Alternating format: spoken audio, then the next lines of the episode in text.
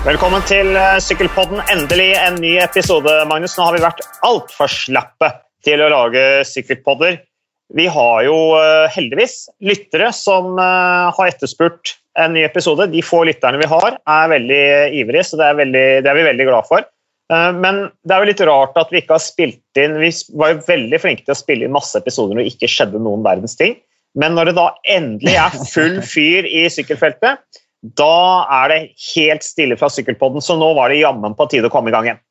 Ja, Vi får bare legge oss flate og unnskylde til alle som har etterlyst oss. Eh, alle de få som har etterlyst oss. Eh, det har vært litt sånn utfordring de siste ukene med ja, du har litt sånn heimeskolegreier og litt sånn rare arbeidstider og litt sånn pandemitrøbbel. Men eh, her er vi, og vi er klare til å levere tidenes, uh, tidenes pod, får vi si. Det var veldig store ord. Nå lover du noe du garantert ikke ja, Vi må gi gass. Vi må gi gass. Tidenes pod! Da har jeg hørt den også. Du, forresten, vi kommenterte jo Paris sammen.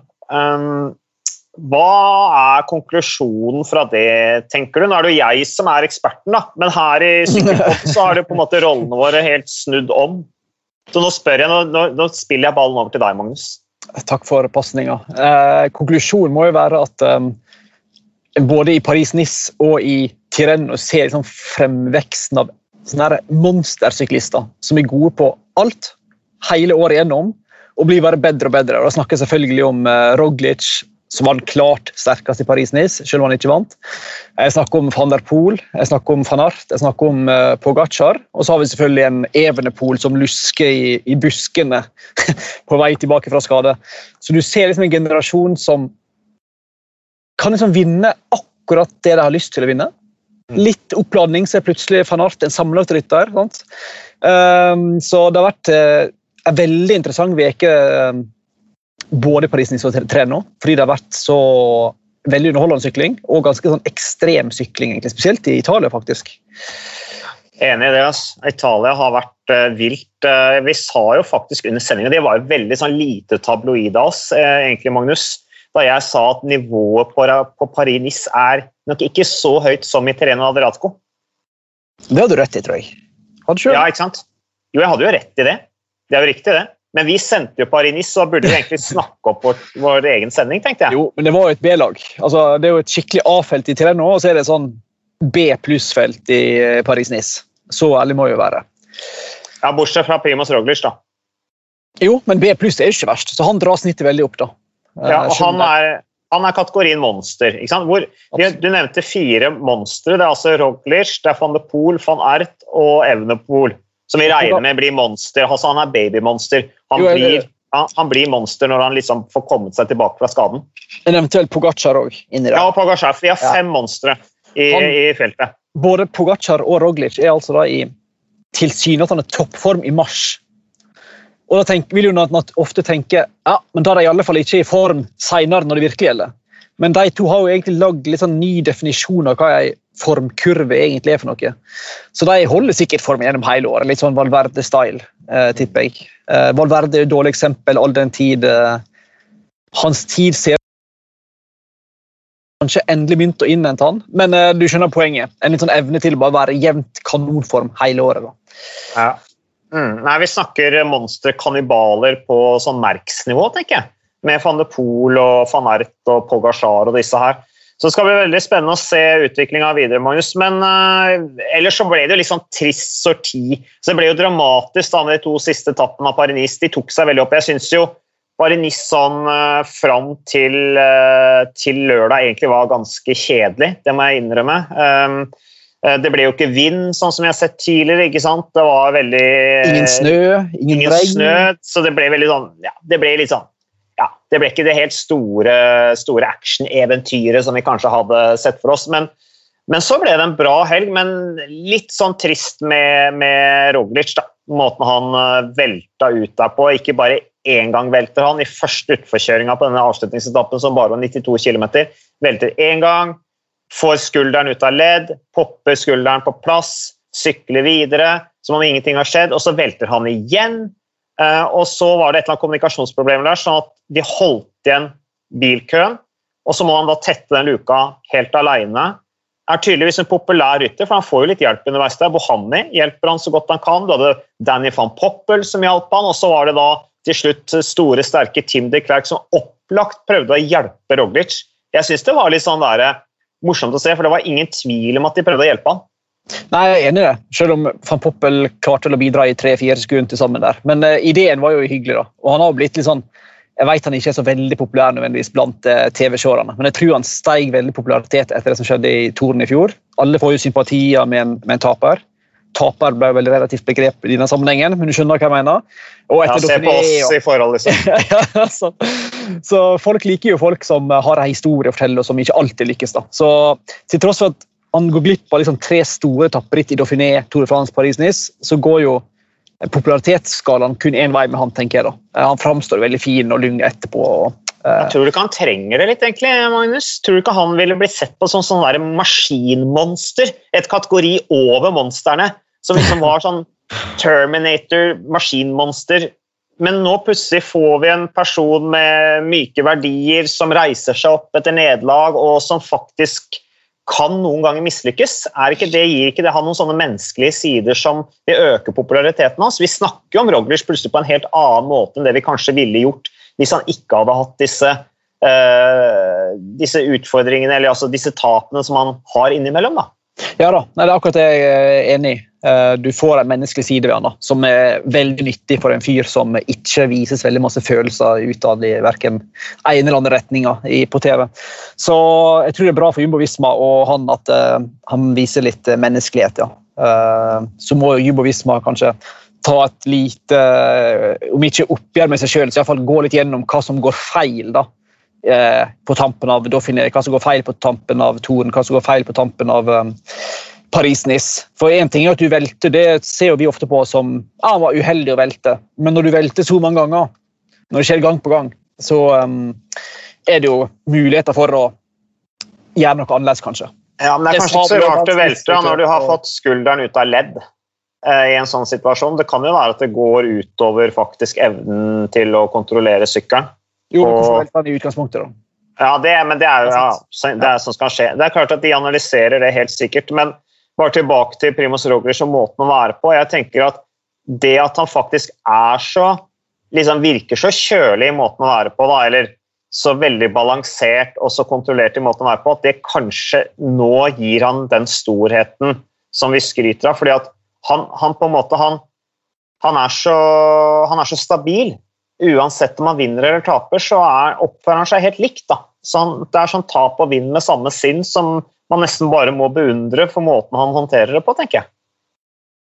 Helt enig. Uh, det er ganske sporty når du bare triller bort til uh, sjakkmann rett etter målgang og bare gir lanken og mm. sier grattis. Ikke noen sure miner om at de stakk.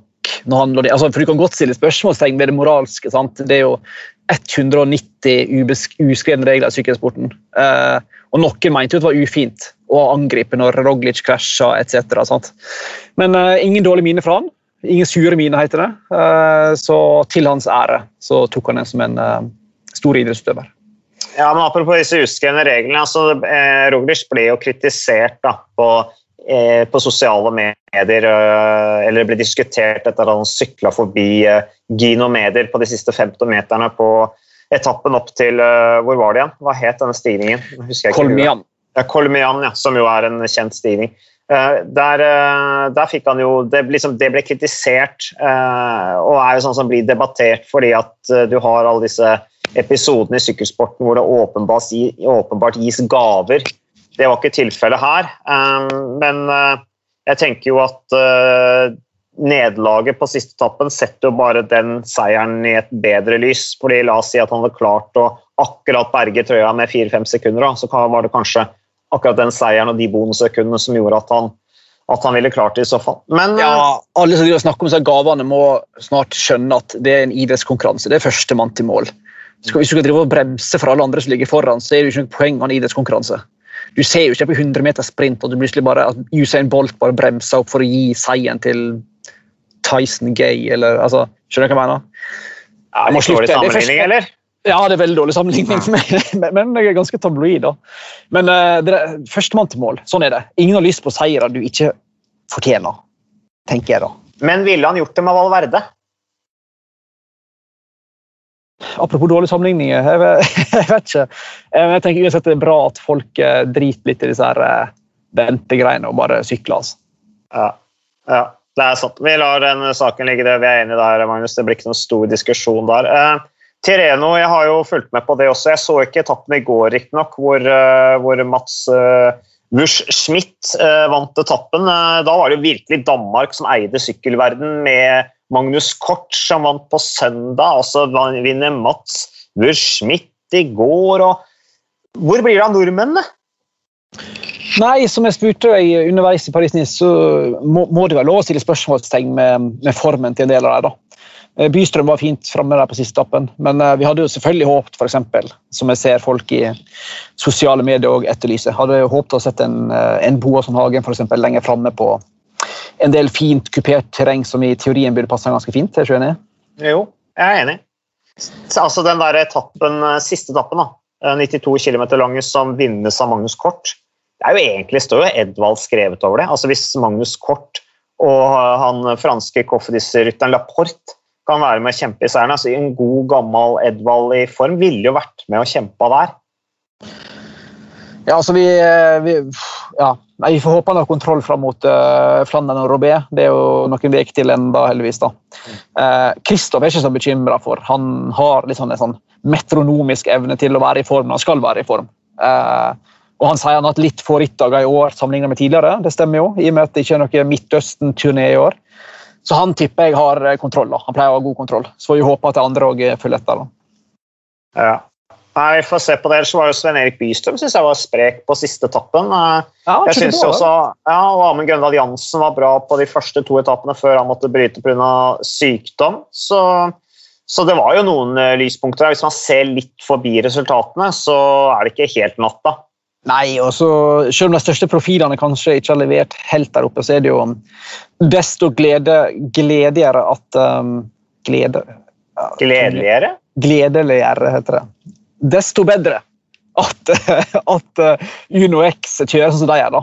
Det ser vi jo engasjerer ganske mange folk. uh, At du har et lag som er med allerede tidlig på sesongen og preger ritt etter ritt, får resultat, uh, tar ansvar, he- uh, sin rett, hevde sin plass i et Mm. felt i Belgia som er ganske um, vanskelig å hevde seg i. Uh, Så det har vært det store, det store lyspunktet så langt. da. Er du overrasket over at det har gått såpass bra? Det? Nei, egentlig ikke. Jeg tror at de har en gjeng som er veldig godt sammensveisa. Jeg tror de er veldig offensive. De er et outsiderlag. De har et veldig bra program rundt seg, et bra apparat rundt seg, er bedre å bruke, eh, til, som, som hjelper de å satse, rett og slett. Så alle forutsetninger ligger, er, er til stede for å kunne gjøre det bra. Og dette er jo rytter med et, et stort talent. Eh, Det er jo gøy å se Rasmus Fossen Tiller plutselig være med å kjempe om seieren i store ritt etter å ha hatt noen tunge år som, eh, som eh, proff på øverste nivå. Så det, det viser hvordan eh, riktig miljø og riktig satsing kan få ryttere til å blomstre. og Jeg tror vi kan forvente mer av de. Det er jo gøy å se også at de har fått invitasjon til Amstel Gold Race. ja, en sånn her notorisk farlig mangeveltritt. Vi får håpe det går bra. Men eh, det er litt annen løype i år, da, heldigvis. Det er ikke så ille, det. altså. Magnus. Jeg har sykla det to ganger. Jeg likte meg godt i Amstel Gold Det er på en måte du, du bare sitter der, og så blir feltet mindre og mindre og mindre, egentlig. Eh, Du må bare finne en sånn posisjon sånn midt i feltet, og så har du ålreit bein, så, så er det greit. Det hender jo det blåser og regner og litt sidevind og sånn, men det er, det er ikke det verste sykkelløpet, det, altså. Nei, men det er en del smale veier og smale partier der som krever litt offer. Men det blir kult å se dem mot de virkelig store gutta. da. Og det er jo liksom som du sier, er ikke veldig overraska, heller. For vi vet jo at Fossum Kille, som du nevner, Markus Holgaard, Doffen, Iversby Widerberg Vi vet jo at disse gutta kan har et ganske høyt internasjonalt nivå fra før. Det har vi visst en stund. Men det er jo kult at du ser at de klarer på en måte å allerede i sin første ritt ute der på sesongen og på en måte tørre å ta ansvar i finalen. Tørre å kjøre litt tog, faktisk ta ned luke i finalen, og ikke bare sitte som passasjerer sånn som veldig mange andre er da, og bare tenke at dette må World Tour-lagene fikse. Vi, vi er bare med i tilfelle det skjer noe gøy her. Det er kult at de på en måte bare krever plassen sin. da. Så, Jeg er helt enig. altså Nå, er- nå vet jo ikke, hva, nå vet ikke vi hva som sies inne på, på bussen. Det går vel an å se forresten på YouTube, for de er flinke til å dokumentere hva de gjør via denne kanalen sin, eh, UnoX-kanalen som de har på YouTube. Det er det sikkert neste veldig mye- steget. Det neste steget selvfølgelig var det jeg lette etter. Men, men eh, jeg ville jo selvfølgelig, når du kommer inn med, som et nytt uh, sykkellag som jo på en måte UnoX er nå på det nivået de er, uh, og skal møte de store gutta, så er det jo ekstremt viktig å ikke ha noe respekt, ikke ha noen komplekser. Altså at du ikke på en måte Ja, vi må jo finne vår plass i hierarkiet her. Vi må jo være litt sånn for Unnskyld at vi er til her i feltet, og passe på at vi ikke provoserer de store lagene. Da er det jo bare bånn gass, etter min mening. altså Bare vinn eller forsvinn og gi alt. Litt sånn som se til Nå er det selvfølgelig, De hadde større rytter på papiret, da, men se på f.eks. Servel og Test-team og noen av disse outsider-lagene som vi har sett gjøre det fantastisk bra, som i utgangspunkt på papiret var outsider-lag. Eh, det er ingen grunn til å ha noe eh, komplekser når de møter de store lagene. Det, det er i hvert fall, Jeg tror at du kan frigjøre mye energi på den måten. fordi at uh, Hvis det er ting som sitter i huet, sperrer som sitter i huet, så blir det fort, kommer du inn i sykkelrittet med et dårlig utgangspunkt. Du blir sittende gærent plassert. Uh, du må bruke mer krefter. Uh, og skal man få respekt, så må man være litt tøff. Sånn er det i det feltet der. Vi, vi vet jo at det ikke blir noen Grand Tour-debut for Uno X. Sant? De fikk jo ikke invitasjon til Giron eller Vuelta. Hadde det vært for tidlig å delta allerede i år? Eller tror du det kunne gått med det nivået de har vist nå? Jeg tror ikke det er for tidlig for det, for jeg tror de er klare for det. Ikke nødvendigvis at de egentlig er klare, men jeg tror på en måte at de bare gjør seg klare. Litt sånn som den der invitasjonen de hadde til Colombia rundt i fjor, hvor de jo eh, kanskje i utgangspunktet ikke var klare, men de bare sa ok, vi har den invitasjonen, vi forholder oss til det, da, da, da forbereder vi oss til det. Det tror jeg nok de ville gjort også hvis de hadde fått invitasjon til, til Giroen eller Spania rundt. Det er klart, sannsynligvis noen som hadde fått seg på trynet, men jeg tror de hadde blitt løfta veldig av den utfordringen der. Eh, og, og, og det med, der jeg har fått spørsmål det, Magnus, om dette med at de nå har invitasjon til Amstel Gold Race. Betyr det da også at de er nærme en invitasjon til Tour de France? Det tror jeg nok ikke nødvendigvis. Eh, neste steget er nok da eventuelt Giroen eller, eller, eller, Spania rundt. Hvis Spania rundt, så er det fordi at eh, ASO har oppdaget de, og da går kanskje også veien via eventuelt Paris-Nice eller et eller annet annet semi-etapperitt før det. Da. Det er nok noen år fram i tid for å komme opp på, på Tour de France-nivå hvis ikke de kjøper seg opp i World Tour. Det blir spennende å se i um, Det er vel Nokere-korset som er neste på programmet der. Der skal vel uh, Doffen Halvorsen og uh, et par dansker sykle mot en del gode spurtere. Kevin er ikke vel med igjen. Jeg vet ikke om han er, er en god spurter lenger. Tja. Han har jo en annen plass nå, da. Ja, da. Han viser seg jo litt fram. Plutselig er det andre gode spurtere. Så det blir spennende. Det er vel på onsdagen. Så um, tror Doffen meldes som var i god form, selv om han forsvant litt i finalen på var det eh, GP Montserrat. Der ja, der var Cav, Cavendish ble nummer to, ja. ja. Da var han jo godt framme til det gjensto 1,5 km, eller noe sånt. og så var det et eller annet som skjedde der som gjorde at han plutselig utenfor bildet vårt bare forsvant litt bak i køa. Det var vel en liten hindring der. Så jeg tror han skal være i god form. Det sier iallfall de som eh, er tett på han. Så det blir spennende å se på onsdag. Det er jo Nokre-kurset for damer og herrer som sagt på onsdag 17 mars. I dag er det jo tirsdag 16., så det er altså i morgen. Eh, ingen norske med i damerittet. På herrerittet så sykler Andreas Leknesund for eh, DSM. Og så er det Uno X da, som eh, kjører med, med fire nordmenn og to dansker. Det er altså Kristoffer Halvorsen, da, som har nummer 221, litt som kaptein. Og så er det Morten Hulgaard, Niklas Larsen, Erik Ressel Anders Gårdseth, Rasmus Tiller og Syver Versted som eh, er Uno X-laget der, da. Som møter sin gamle lagkamerat Andreas Leknesund, som kjører med DSM i det rittet. Og så har du vel med òg en Stake Laringen for UAE der, pluss en August Jensen for Delco. Så det er god eh, norsk representasjon der. Så det blir gøy. Det, det stemmer, det, Magnus. Ja, det. det. var bra du sa. August Jensen. Det, han, eh, han, har jo kjørt en del ritt. Han har heller ikke fått noen resultater. Jeg så Han kjørte Paris-Troyan, et ritt jeg kjørte faktisk tilbake i 2002. Fint ritt i Frankrike. Han har ikke noen resultater ennå, godeste, godeste August Jensen, men det, han har i hvert fall fullført alle rittene, så nå begynner han kanskje å komme litt i, i form. Skal bli spennende å se. Men uh, Apropos, det blir et gøy ritt med Nokere-korset, men Sanremo kommer jo på lørdag. Mm.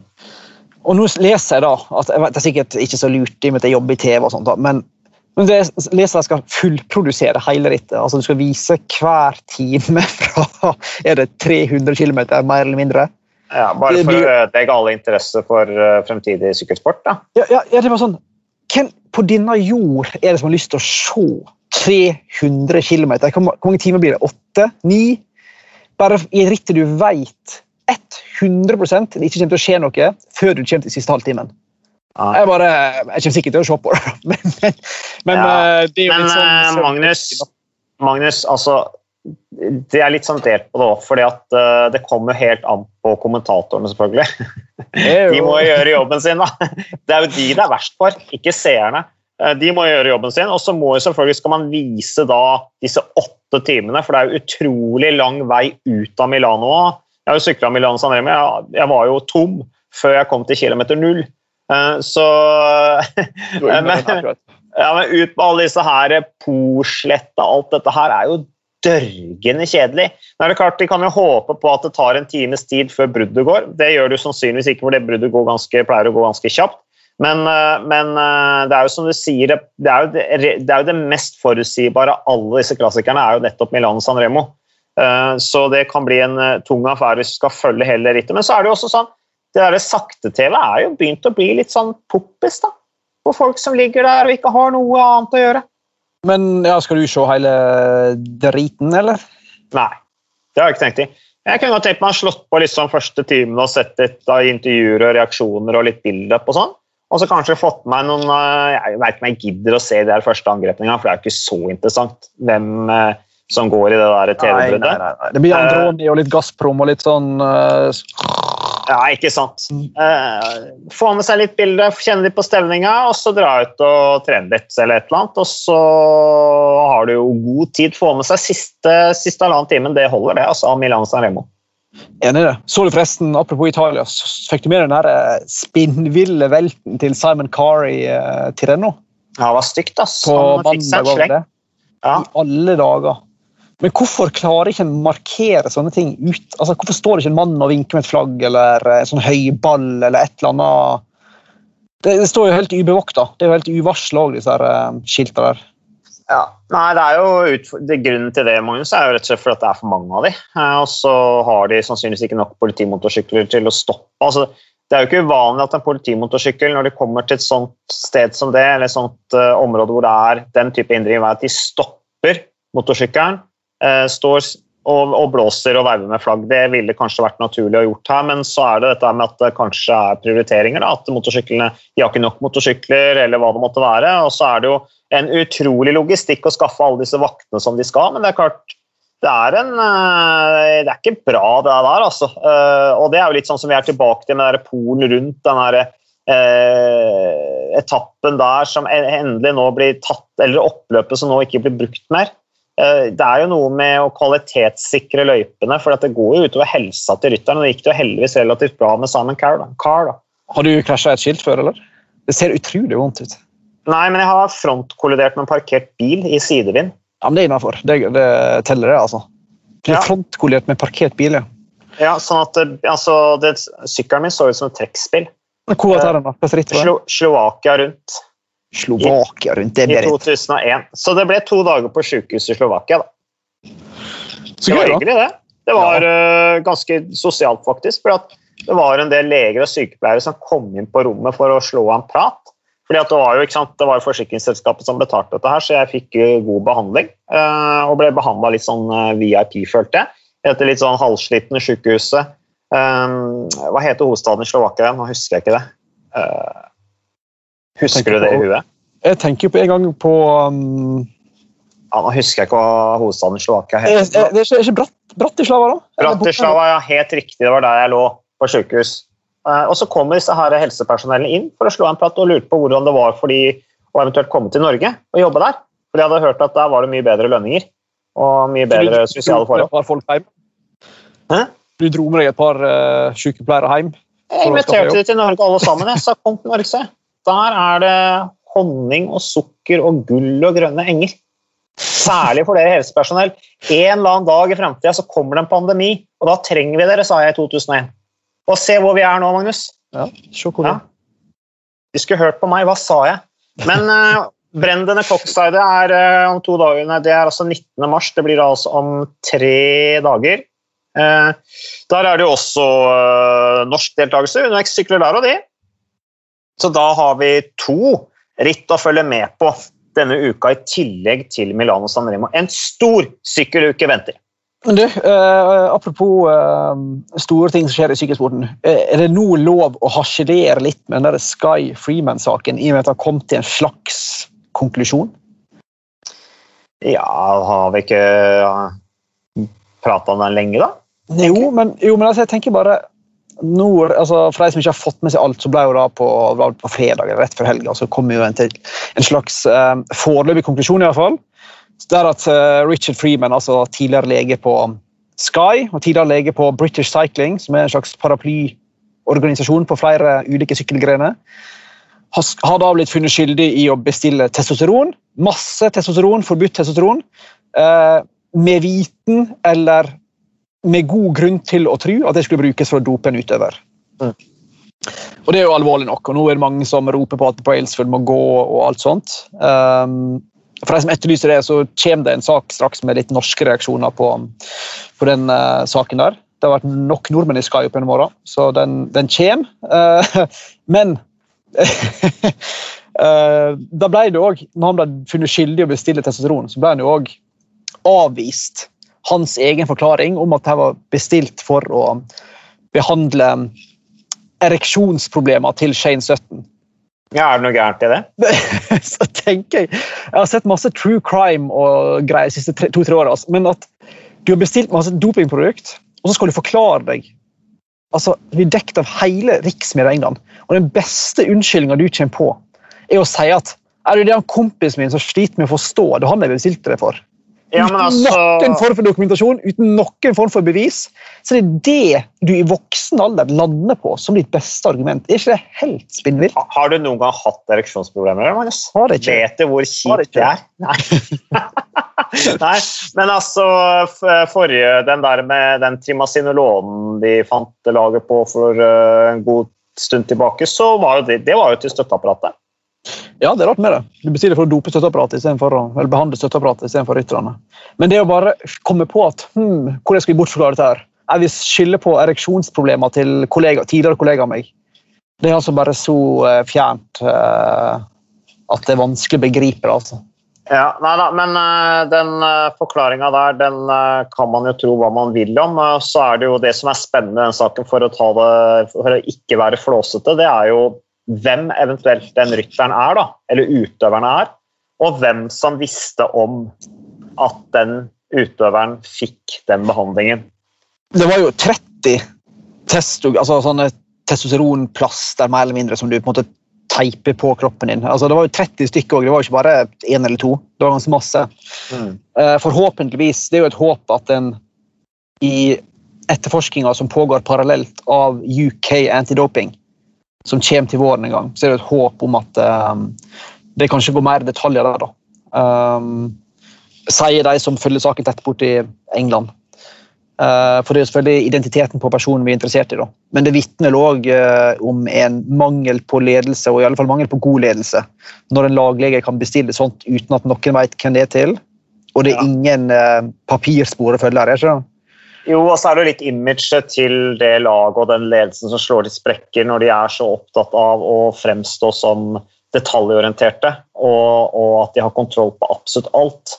Uh, og så plutselig nå, så, så det, det, er jo på en måte et bilde som er tegna som nå slår som, som, vi ser ikke stemmer.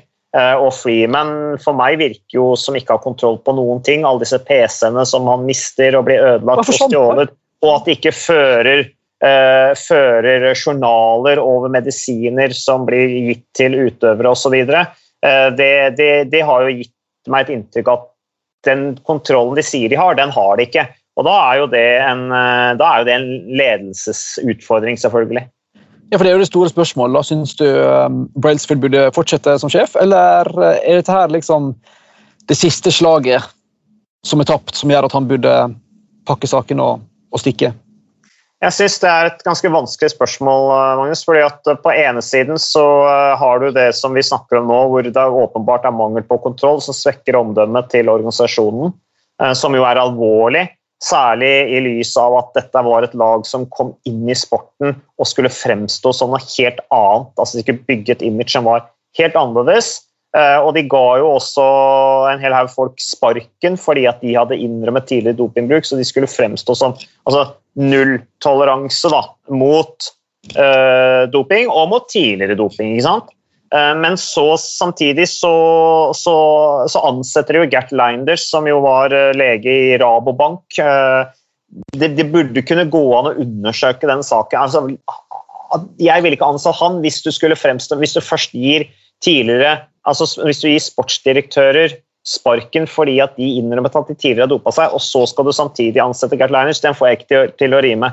Uh, så, så, så, og, og, dette her med de tingene som åpenbart viser at det er svikt i kommunikasjonslinjen da, internt i, i laget i forhold til hva de ønsker å fremstå som, så, så kan du si at da burde han kanskje gå, ta sin hatt og gå. Men samtidig så er jo Brailsford en mann som på en måte har bygget opp hele Han har selvfølgelig hatt hjelpere rundt seg, men han er på en måte halve laget alene. Altså det er han som, er han som uh, skaffer sponsorer, det er han som, uh, som styrer, styrer, organisasjonen og har fått til enormt mye. Og Det er spørsmålet om det er noe lag uten han. Det er jo jeg litt uh, usikker på. Og Derfor så tenker jeg at ja, og det kan jo være at det er folk under han som også har kanskje fremstått som, som, som illojale. Men det er jo òg litt sånn, eh, tenker jeg, at um, Hvor skal jeg begynne? Uh, det med Linders, ansette Linders og Det er jo litt rart du ikke på det, sjekker referanser før du på en måte ansetter folk. Snakk med et par stykker som har vært i sporten i noen år, så får du jo noen referanser som burde tilsi at han ansetter vi ikke. Uh, så det er et eller annet som skurrer. og så er det litt sånn jeg skjønner jo at uh, det er jo en del som gir uttrykk for uh, Shane Sutton, og sånt, altså den tidligere treneren, som har vært veldig toneangivende i British Cycling og Sky i mange år. Han gir jo inntrykk av at uh, han og mange andre at det er en slags heksejakt liksom, på, på, at du skal ta det største og det beste uansett, da, og på en måte bare grave for å finne et eller annet som egentlig ikke er noe substans i. Men når du da i tillegg leser i helga at internt i laget at Shane Sutton tar opp dopingbeskyldninger om Chris Froome, hans sin egen rytter, internt i laget til sin egen sjef, så er det ikke bare at det er utad heksejakt på Sky. Det er jo tydeligvis fullstendig, altså ganske mange konflikter innad i laget òg. Ganske mm. dramatisk. Altså når du, da, du trener for Bradley Wiggins, og du føler at det er riktig å ta opp et lagmøte sammen med sjefen din, at han er det andre som utfordrer Wiggins litt, han Froome, han tror jeg er dopa, uten å ha noe grunnlag for å si det. Ja, men det var jo det var jo et dårlig miljø mellom Froome og Wiggins. Det vet vi jo. Det var jo to klikker. Det var jo klikken rundt Froome og klikken rundt Wiggins. Det var derfor de ikke tok med Wiggins til, eh, til Tour de France det året det var start i, i Storbritannia også. Var det ikke i 2014 da? det var det? Eh, så, og da ville jo veldig gjerne Wiggins kjøre, men de ville ha ro i laget, så de valgte å, å holde eh, Wiggins utenfor. Så, så, der var det opplagt eh, Sånn er det, tror jeg, ofte i storlag. At det er krevende det at det blir klikker internt, og det blir konflikter og det blir kamp om lederposisjonen. Og til slutt så var det jo Froome som gikk seirende ut av den, ut av den tvisten, hvis vi skal kunne kalle det det. Så, men, eh, men, eh, tilbake til den der med, med, Richard Freeman, legen som nå på en måte ikke er trodd på sin forklaring, og at det er konkludert med at det, det testosteronet var til en utøver, så kan jo det, det det, det kan jo også ha vært til en utøver som ikke var en del av Team Sky. Det vet vi ikke. Det kan ha vært en, en banesyklist som var på det britiske landslaget. For, det, for, de to lagene gikk jo veldig mye om hverandre. Det var på en måte, Der var det litt sånn samme, samme opplegg, samme folka som jobba på tvers av banelandslaget og, og Team Sky. Og det har de jo rydda opp i det senere. Og så er det også en ting. Den testosteronen, som, når, ble, den testosteronen når den ble funnet, så ble jo faktisk det varsla om internt i laget av andre i støtteapparatet som, som varsla om det, og som reagerte på det. Så det er, det er, ikke jeg tror, tror, man skal være Jeg tror det kan være fare for at det er enkeltpersoner som har gått for langt her, altså. Ja da, og det er jo, det er jo godt poeng det du sier, at det, det er ingenting som tyder på at alt er institusjonalisert og systematisk juks, sånn som vi så før i tida. Det kan jo være som du sier, at det er bare ett dårlig eple her som gjør én feil. sant? Um, men hvis du da, la oss si at det er da i best case kun testosteron til en ukjent banesyklist, britisk banesyklist. Hvis du bestiller testosteron til han, hva gjør du da til de som er virkelig gode? Det vil jo være naturlige spørsmål. Altså, hvis du er tilbøyelig til å bestille doping til utøvere, så er det noe som er riv ruskende gale, tenker jeg da. Uh, ja, hvis de spør om det, da. Det er jo en annen ting. Jeg vil ikke tro jeg driver og prakker på, tror du det? da? i, i, i 2011-2012 at du driver Nei, og prakker på kan jo- Og det, og det kan jo også være en tidligere rytter som tidligere dopa seg, som var i Team Sky, som ville fortsette å dope seg, og som sa til, til uh, Freeman at uh, 'jeg har brukt det før, kan jeg få det igjen'? Eh, så, men Dette blir rene spekulasjoner, eh, Magnus, men det er i hvert fall en sak som eh, er ødeleggende for omdømmet til det sykkellaget. Det er det ingen tvil om. Det er masse bråk i, i britiske medier nå. og jeg, jeg tror nok at sånne som Bradley Wiggins nok kjenner på det. Hvis han er uskyldig i den saken her og ikke har gjort noen ting, så vil jeg tro at for han så er det om å gjøre å finne ut at det er fortest mulig, sånn som han uttrykker jo et, i et eller annet intervju som ble gitt i går og var på Eurosport. Ja, så tror jeg det er viktig at uh, Bradley Wiggins begynner å tenke seg om før han snakker. da. Når han sitter på, uh, på Eurosport og sier at, at det å dope seg med testosteronplaster ikke er noe som blir gjort, og at det har vært idiotisk, så har vi jo en haug med bevis på at det blir gjort på samme perioden. Så det, så det, det er en del, jeg, må, tror jeg, må, jeg tror man formuleres litt klokere for å komme bedre fra det. altså. Uten at jeg har noe formening om han har brukt noe dette. Men når du bare legger ut om sånne ting som beviselig er feil, så hjelper ikke det saken din. for å si det sånn. Nei, så det. Men eh, du nevnte Milan San Remo, som altså er til eh, helgen. Det blir veldig spennende. Jeg så litt på resultatene til eh, Alexander Kristoff, som jo vant Milan San Remo i eh, 2014. Da vant han det foran Fabian Cancellara Ben Swift. Og Kristoff har jo deltatt og fullført alle utgavene siden sin første start i 2012. Ni ganger er det. Han har altså vært seks ganger topp åtte. Altså Han starta med en 131.-plass, og så har han da åttende, første, andre, sjette, fjerde, fjerde, fjortende og 83.-plass. Det går litt sånn feil utvikling da med Kristoff, så vi håper at vårformen er bra, at han kan igjen kjempe om en plassering der han har vært så mange ganger, blant de tre-fire beste. Men, men la oss være ærlige, da. Altså, ikke ett vondt ord om formen til Kristoff, men hvem er det som kan konkurrere med trioen à la Philippe, van der Poel, van Art når de stikker opp eh, Cipressa? Eller Poggio? Nei, godt spørsmål. Eh, Det det blir eh, Det må jo være Oliver Nasen, Greg van Amat, Sam Bennett, Peter, nei, Peter Sagan kan vi avskrive, han er ikke fra. Uh, Matteo Trentin, Elia Viviani, Mikael Kvikowski, Jo, men hvem, skal, hvem av skal henge Michael Matthews. Ja, Hvem skal henge på? Nei, Det blir spennende å se. Det, det får vi jo se på lørdag. Så da kan vi jo følge med fra første tråkk. Eh, der hvor det nå... Ellers så skal vi sende Catalonia rundt eh, fra 22. til 28. mars. Vi vet jo aldri helt når vi kommer til å lage neste sykkelpod, så vi kan jo like godt begynne å snakke om det som skjer litt langt frem i framtida. 22. til 28. mars så sender vi på TV2 Sport også Catalonia rundt, og det blir jo litt interessant eh, med tanke på at Chris Froome, Michael Woods, eller særlig Chris Froome, da får vi se hvor er han Er det noe utvikling? Det blir spennende. Det er litt spennende. Catalonia rundt er jo faktisk en gøy sykkelritt. Det er et par fine fjelletapper der. og um, Ofte et litt sånn der tynt spurtfelt, så du får ofte litt sånn der overraskende og kule vinnere på disse her, eh, om ikke flate etappene, i så fall de flateste etappene. Um, og så er det jo, Du har vel også med en, eh, du har vel en Quintana med, har ikke det da? pluss en Hirschi, tror jeg skal sykle.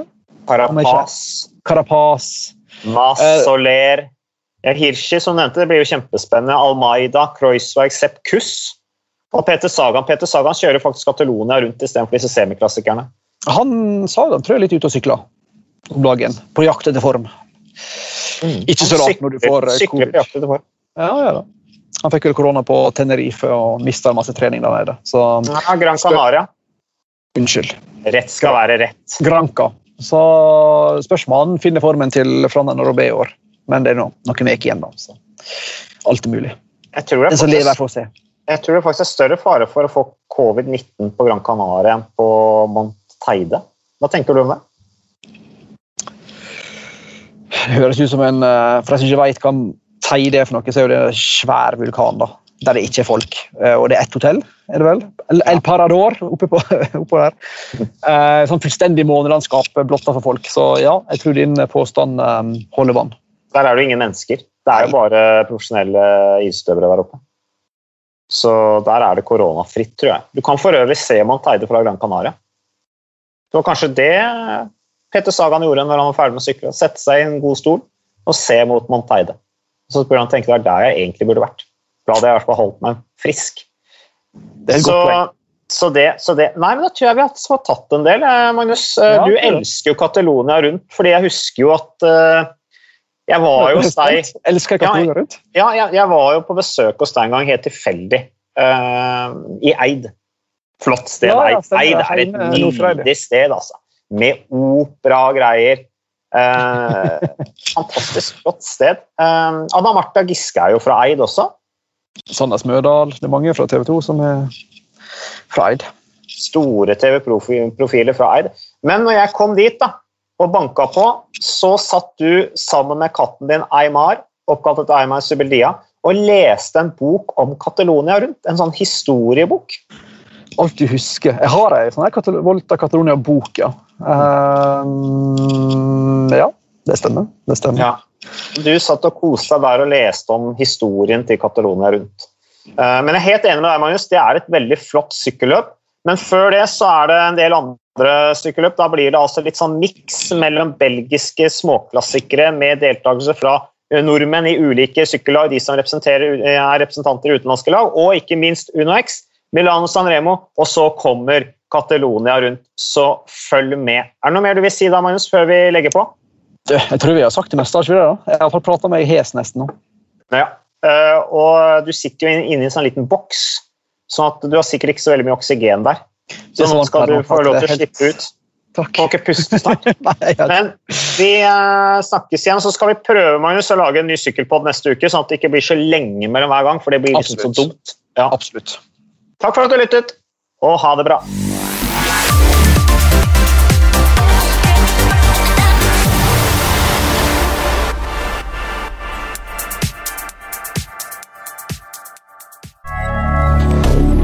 Moderne media.